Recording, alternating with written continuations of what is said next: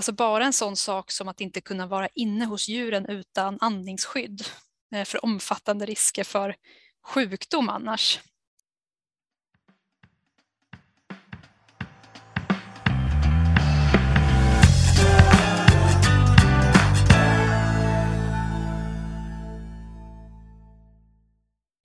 Hej och eh, hjärtligt välkomna till Djurens Rätts podd på Djurens sida.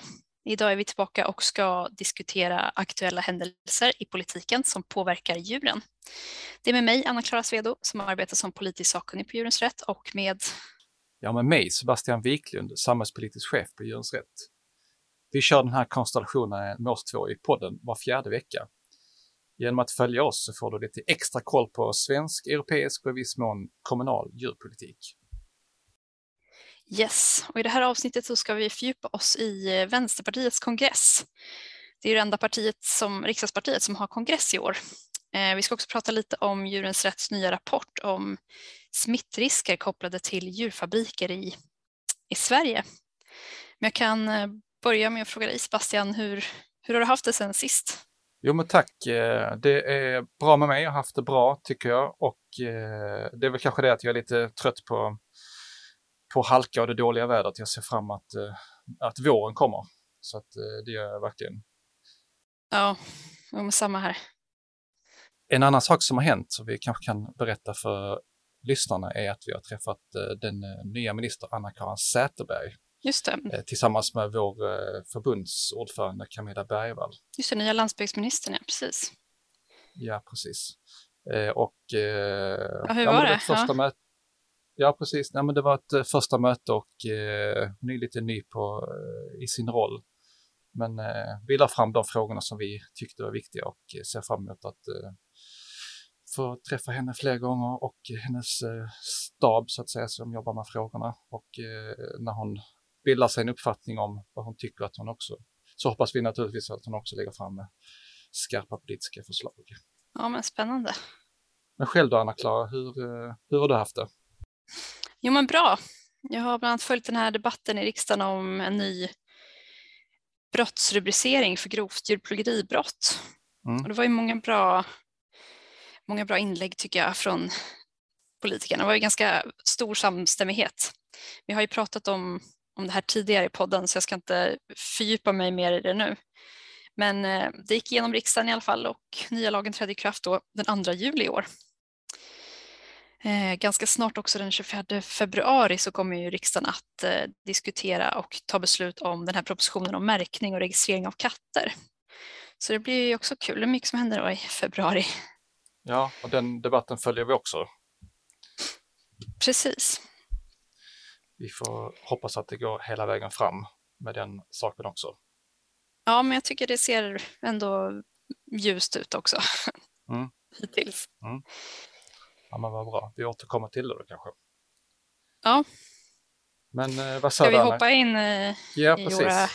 Ja, Kör igång du. Jag kör igång. Eh, det var lite trevande där, men vi kör igång.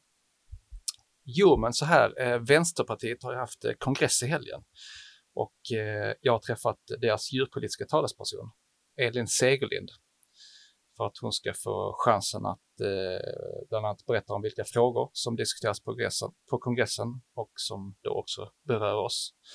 Eh, jag tänkte vi kan kanske börja med att lyssna på intervjun som jag, eller samtalet som jag hade med henne. Absolut.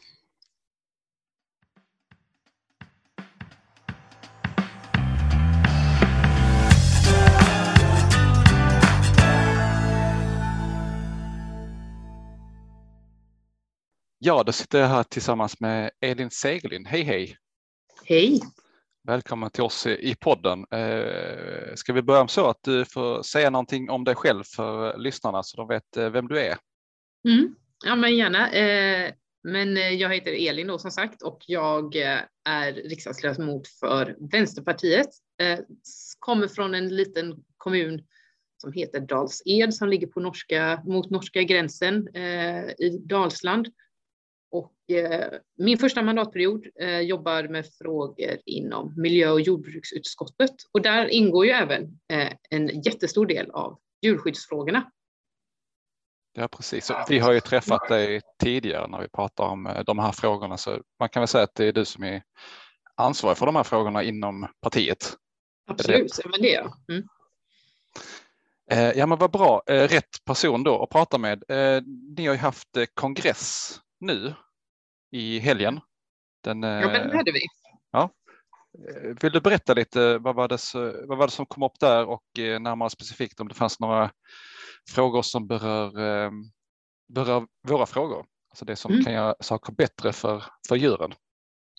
Precis, ja, det som blev lite speciellt för oss den här kongressen var ju att eh, vi fick göra den digitalt, vilket gjorde att den blev mycket, mycket kortare än vad vi hade tänkt att det skulle vara. Så att en, en stor del av alla förslag och motioner och så som skickades in har helt enkelt fått skjutas på framtiden. Så mycket, det enda, eller det mesta vi tog egentligen här nu hade med valplattformen att göra, alltså det man vill ha med sig in i i valrörelsen, kanske som sina sådana här priofrågor. Så.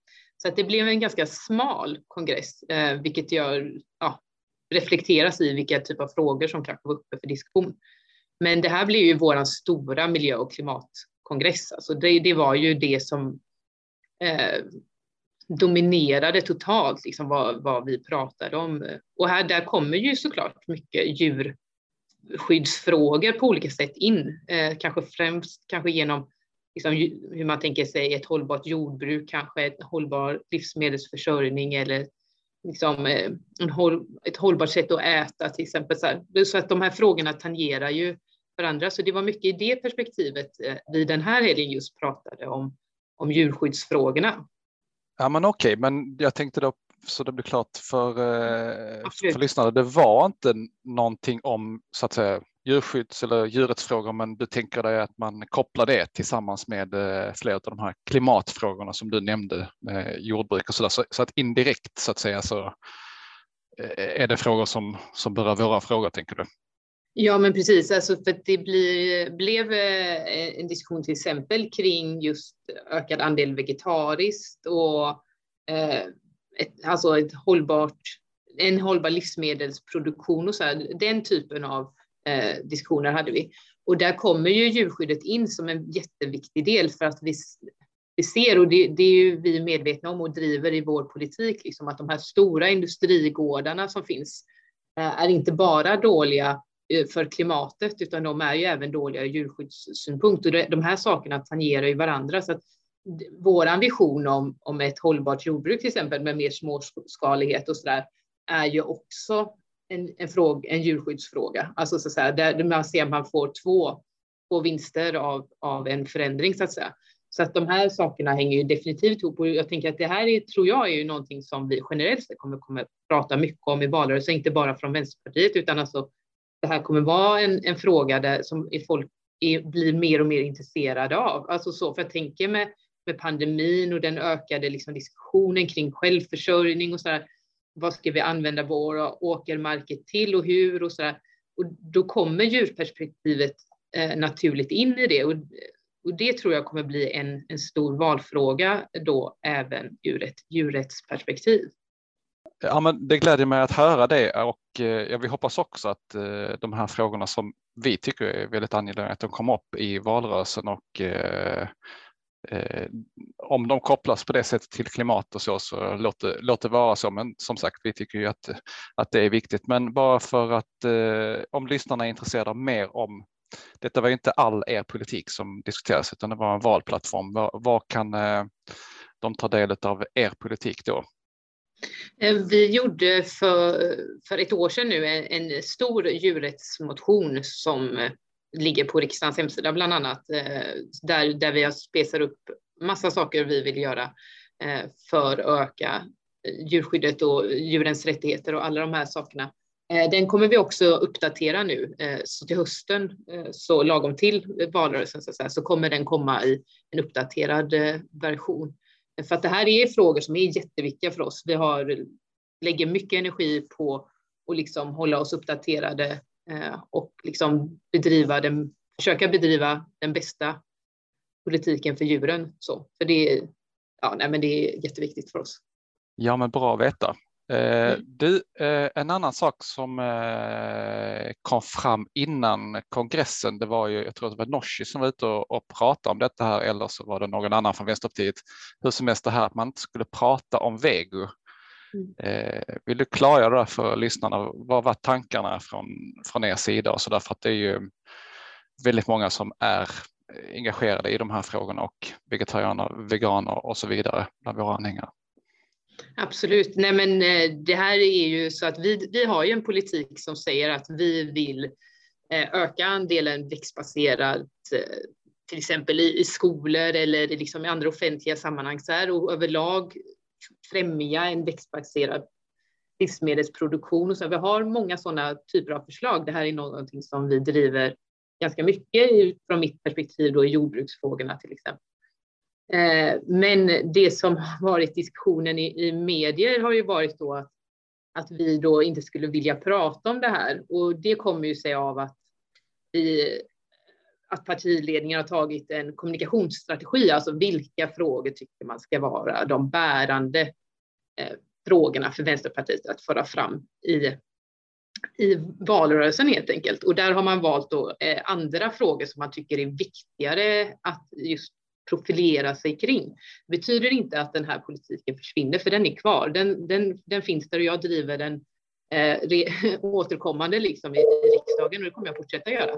Men eh, det kommer kanske inte vara det som är nummer ett i våra valtal, men det kommer ju finnas där likväl. Liksom. Så att det är egentligen en kommunikationsstrategisk fråga som har blivit en fråga om, om vi, att det är ett ifrågasättande om vi står för vår politik eller inte.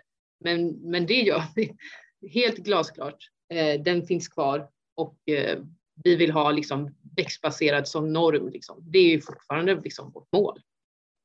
Ja, men tack så mycket Elin för att du eh, klargjorde för hur ni ser på den här frågan då, då så att eh, lyssnarna vet. Men eh, en annan fråga som jag tänkte lyfta med dig, det här med djurskyddsombudsman som ni eh, har i er, politiska, den här motionen som du nämnde tidigare. Eh, och den är den, den, den eller så här, vill du kanske börja med att berätta varför mm. ni driver den frågan, varför ni tycker den är viktig? Mm.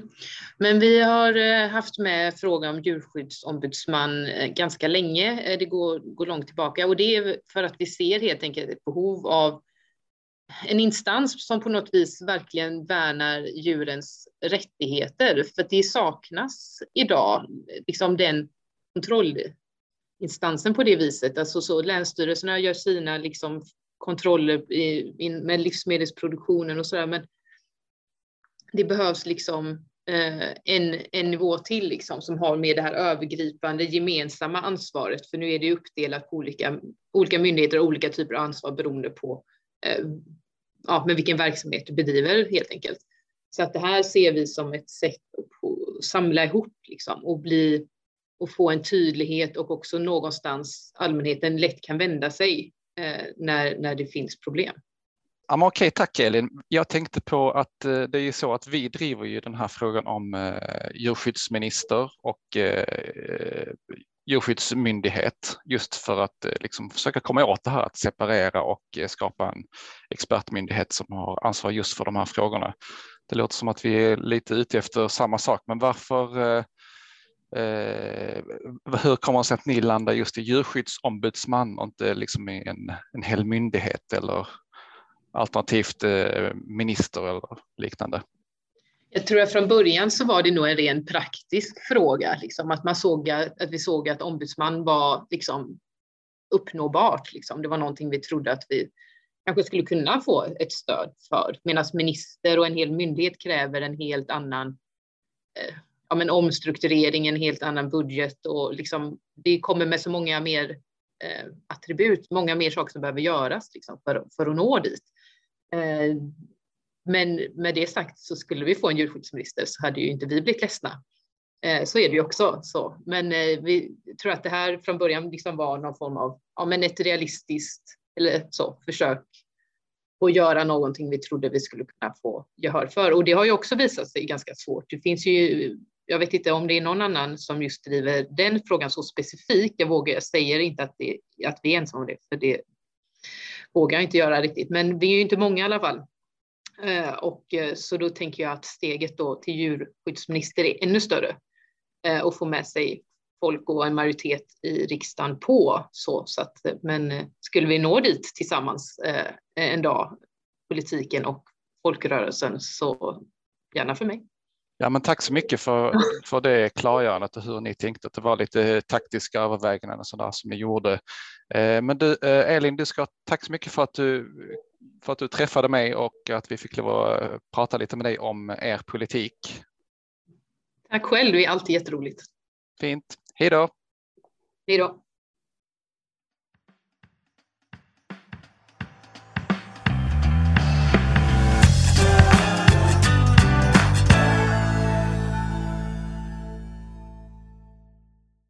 Ja, det var Elin Segerlind från Vänsterpartiet som eh, vi har träffat som är deras djurpolitiska talesperson. Eh, Anna-Klara, första reflektion här, vad, vad, tycker du om det som, eh, som Elin säger? Jag tycker det låter, det låter såklart bra att deras politik på det här området eh, ligger fast.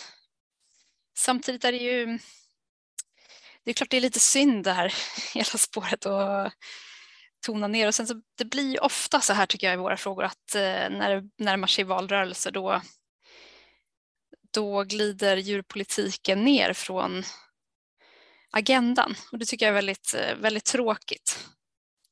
Ja, jag kan känna igen det där att, eh, att det blir så att, eh, att den inte, frågan inte är högst prioriterad och det är väldigt oklart att se också vad som skulle kunna hända under mandatperioden. Eh, så är det, så det, det är ju klart en svagare signal, det får man ju säga. Ja. Men, eh, ja, men jag tänkte på några stycken saker. Jag tänkte ta det här att ehm, ja, för det första det här med att det inte nämns i en valplattform. Eh, det får man väl ändå säga att det inte är liksom en om man, den högst prioriterade frågan för ledningen då. Det kanske finns andra åsikter inom partiet och sådär. Men det är ändå prövas då i en kongress och det här är partiets eh, prioritering. Mm. Annars så hade det ju liksom kommit fram här, tänker jag. Jo, men jag håller med. Och sen så den andra saken som jag också tänker på, det här med att eh, ledningen går ut och säger att de inte ska prata om eh, Vego. Jag vet inte riktigt ifall det har varit en sådär superstor sak att Vänsterpartiet har, eller vänsterpartisterna har varit ute och pratat jättemycket eh, Så att eh, det känns kanske mer som ett sätt för dem att eh, fjärma sig från den här frågan över, överlag. Eh, jag, jag blir lite orolig för att det är det som, det är det som partiet, eh, partiet gör. Vad tänker du? Ja, men verkligen. Jag tänker att också att det just det där är så, det är så svårt vad man, att förstå riktigt vad man är ute efter med ett sånt, eh, vad ska man säga, lite ändå diskret och avståndstagande. Eh, för det, det jag hör Elin säga här är lite grann att de både står fast vid den här politiken som handlar just mycket om fokus på politiken och att vi vill montera ner djurfabrikerna och att de står bakom det samtidigt som de inte vill fokusera så mycket på att individer behöver äta mindre kött. Men de här frågorna går ju inte att plocka isär. Det går ju faktiskt inte att montera ner djurfabrikerna om vi inte också samtidigt äter mindre kött. Så det blir lite det, jag, jag, ser bara en risk att det blir mer luddig kommunikation i den här frågan. Ja, precis. Det här med individperspektivet har ju diskuterats av fler, inte minst eh, folk inom eh, ja, men den när, närliggande miljörörelsen har jag sett att de har diskuterat det här, att eh, Vänsterpartiet lyfter då att det inte är individens ansvar utan politiken som kan påverka de stora dragen för företagen då till att ändra sig. Eh, det skriver de då framförallt då såklart då när det gäller klimat och miljöfrågan, för, i och med att de inte nämner då djurpolitik. Men okej, okay, fine. Men i, ehm, i vår rörelse så tänker jag så här specifikt att det blir lite fel. För att eh, jag tänker så här att djurrättsrörelsen önskar ju såklart gärna att vi får starkare fäste inom partipolitiken och liksom välkomna politiska lösningar.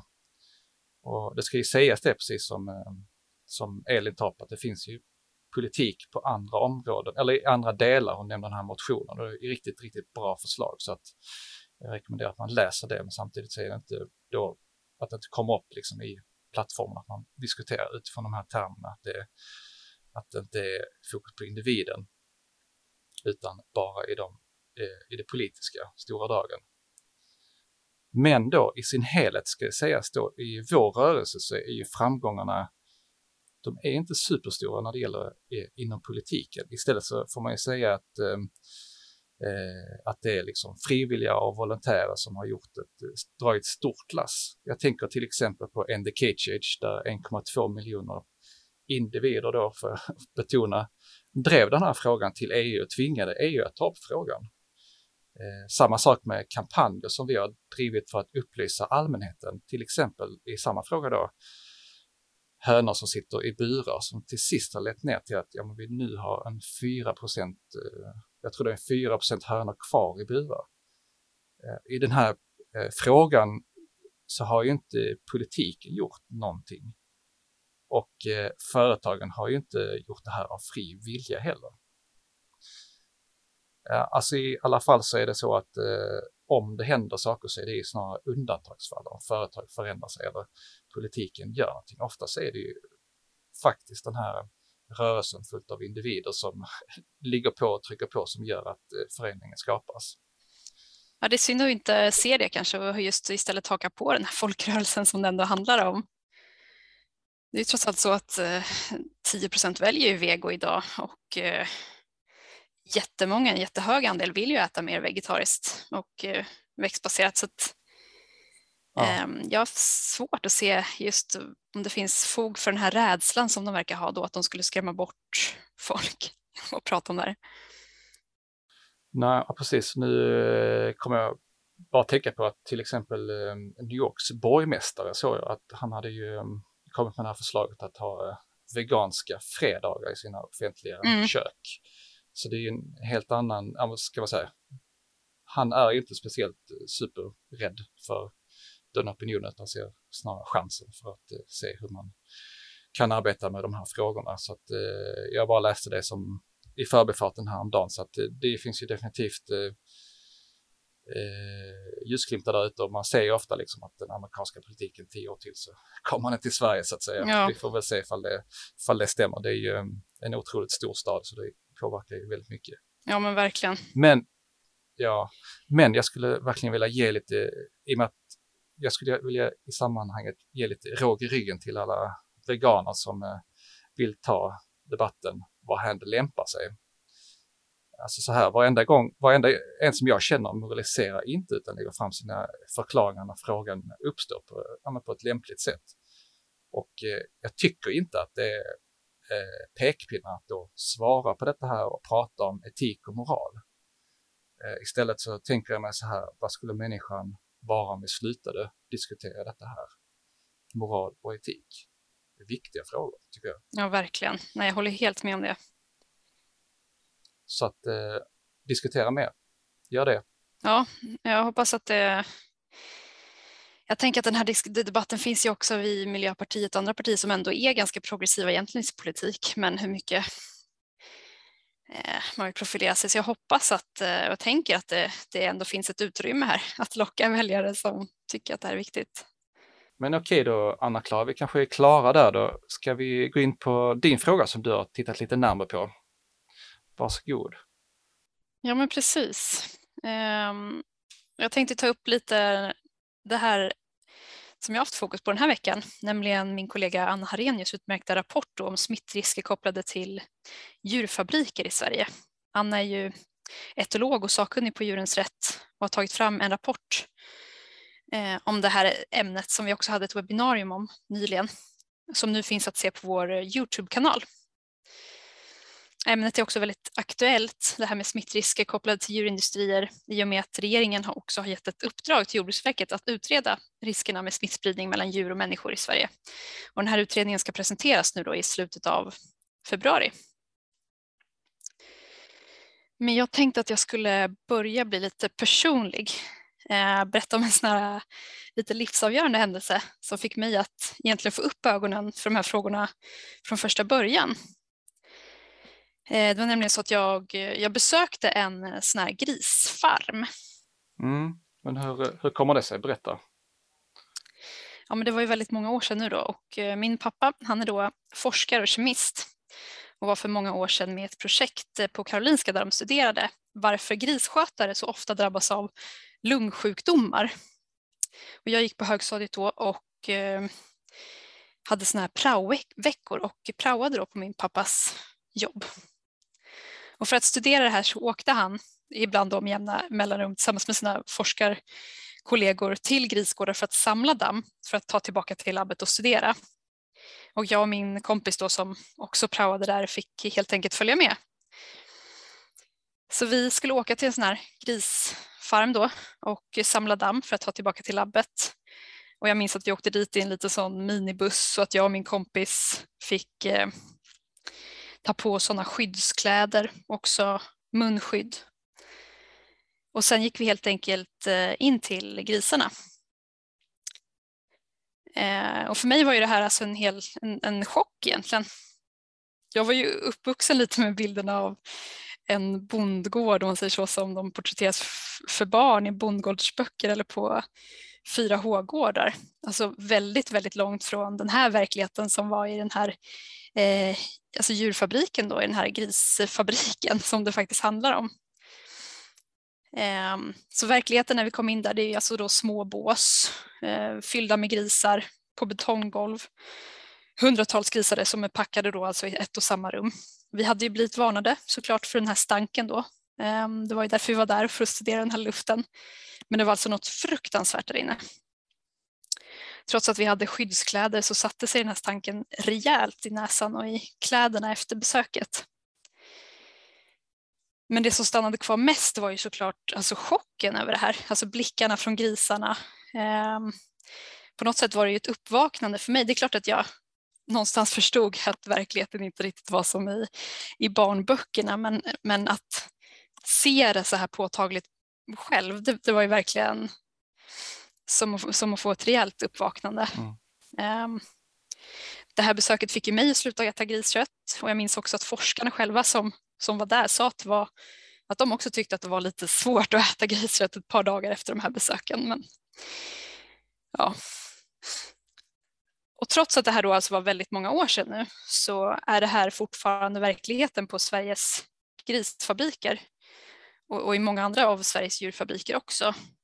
Det har dessutom blivit tillåtet att ha fler grisar per anläggning idag jämfört med när jag var där. Mm. Så vi vet att den här miljön som grisarna hålls i är både sjuk, alltså bildligt och bokstavligt talat. Det är också någonting som lyfts fram i den här rapporten hur grisskötare drabbas av lungsjukdomar som annars drabbar rökare såsom, som kol. Och hur mängden damm är nära korrelerad med hur tätt djuren hålls i stallarna och hur många de är. Alltså hur, man kan säga alltså att det är, det är väldigt nära korrelerat med hur, hur jävligt de har det.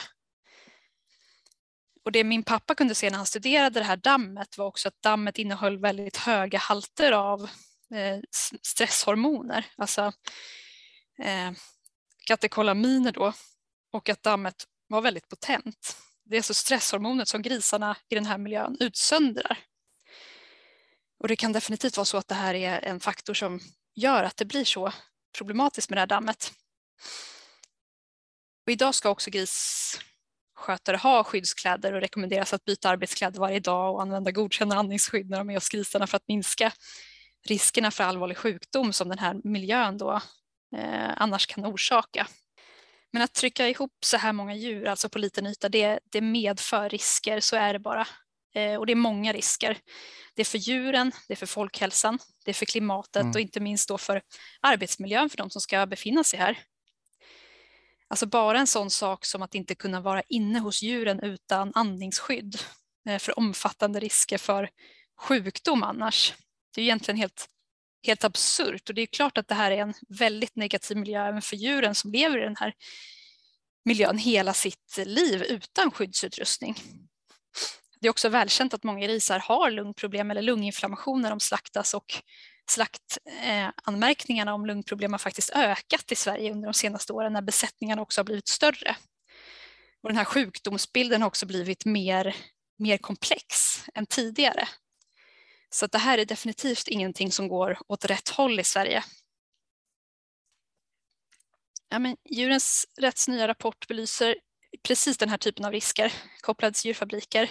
Um, och det, är inte bara, det här gäller inte bara grisar, det gäller ju väldigt många andra djur som också hålls på ett helt eh, onaturligt sätt. Bara det senaste året har vi också haft en extremt hög smittspridning då av fågelinfluensan som inneburit att över två miljoner kycklingar och hönor har fått avlivas. Och att vi som skattebetalare också då har fått öppna plånboken och betala över 300 miljoner kronor i kompensation till de, de här djurfabrikerna som har drabbats av smitta för att så att vi som skattebetalare har fått stå för saneringen och för förlorad arbetstid och för förlorade djur bland annat. Jaha, okej, okay. så staten är lite försäkringsbolag i det här?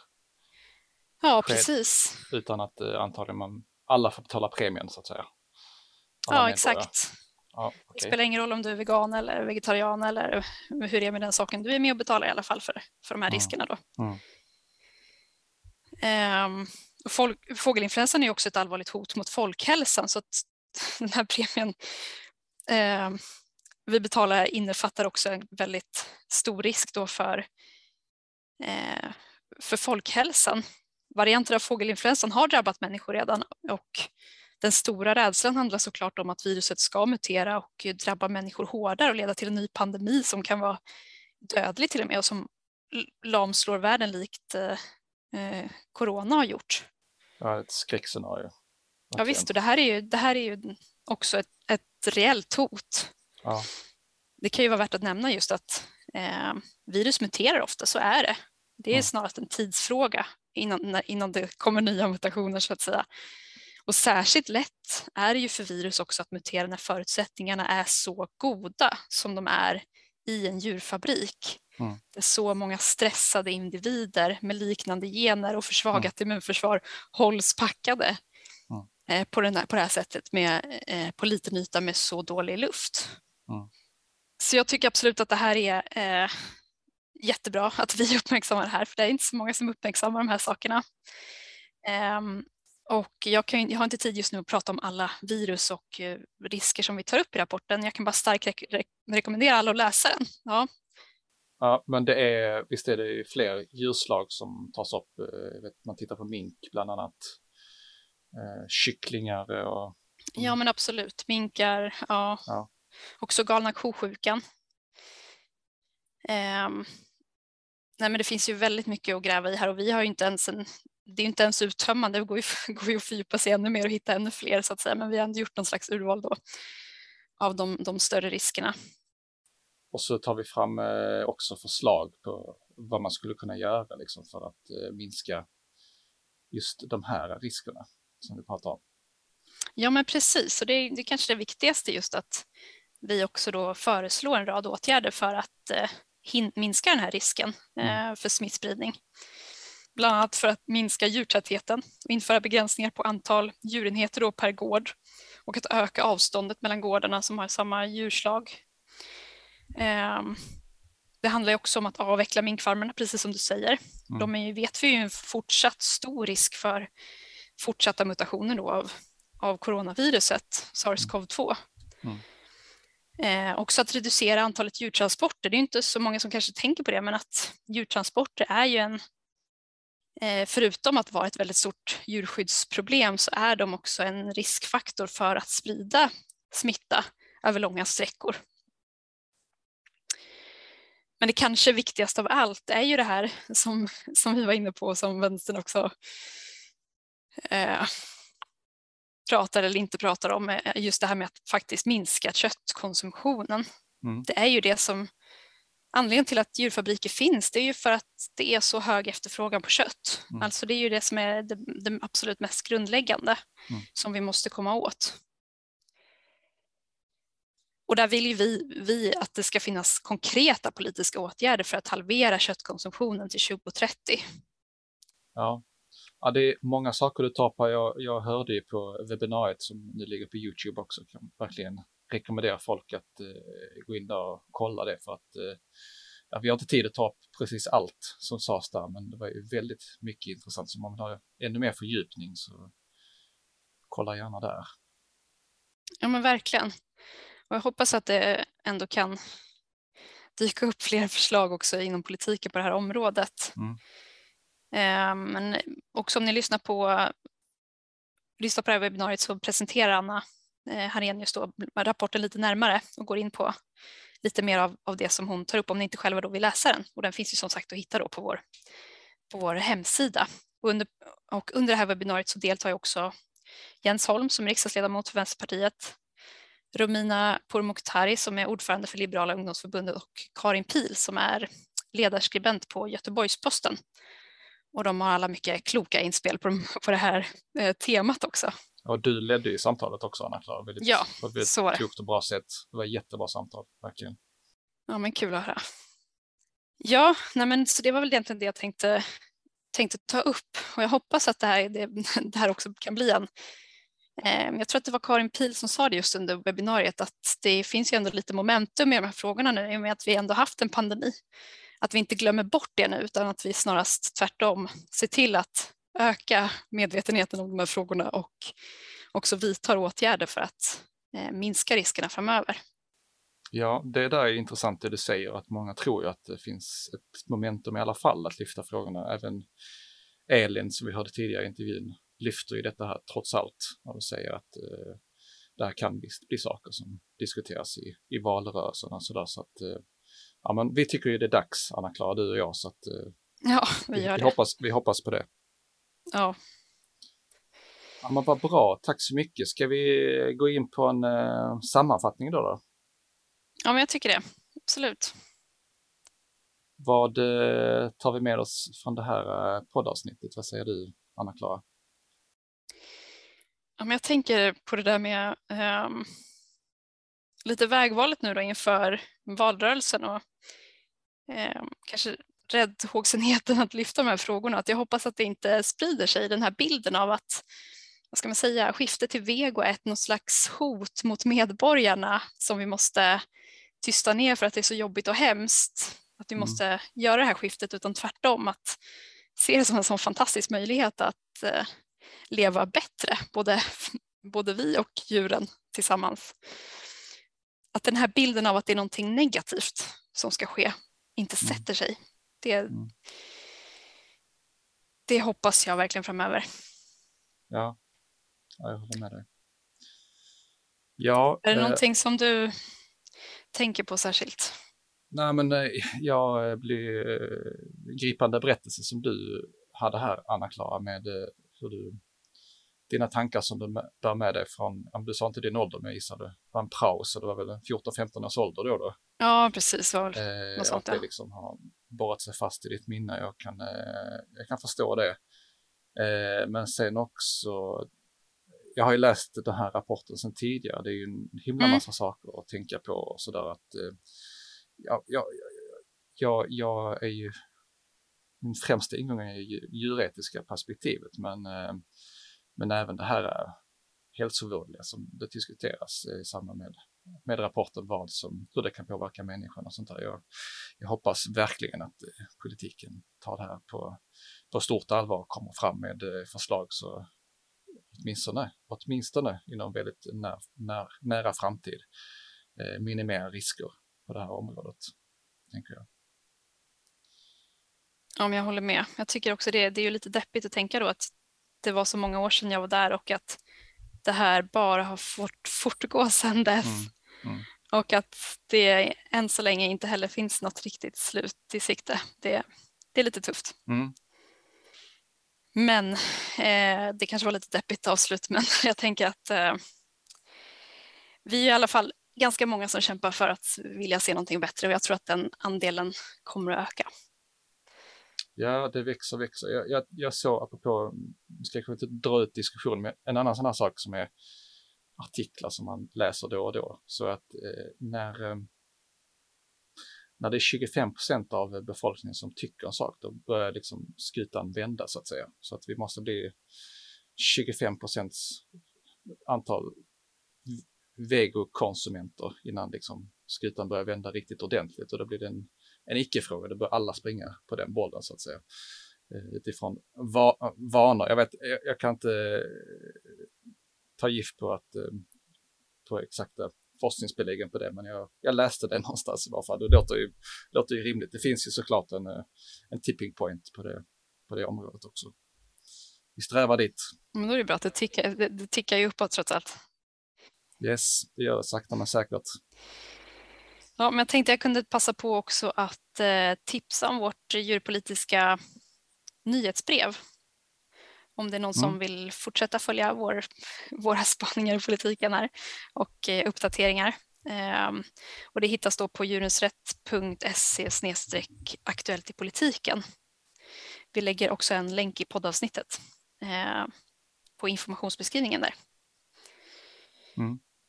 Ja, och eh, vill du som lyssnar hjälpa oss i vårt arbete så bli gärna gåvgivare på Djurens Rätt, eller så här, Djurens Rätt med inget ä utan ett a.se medlem.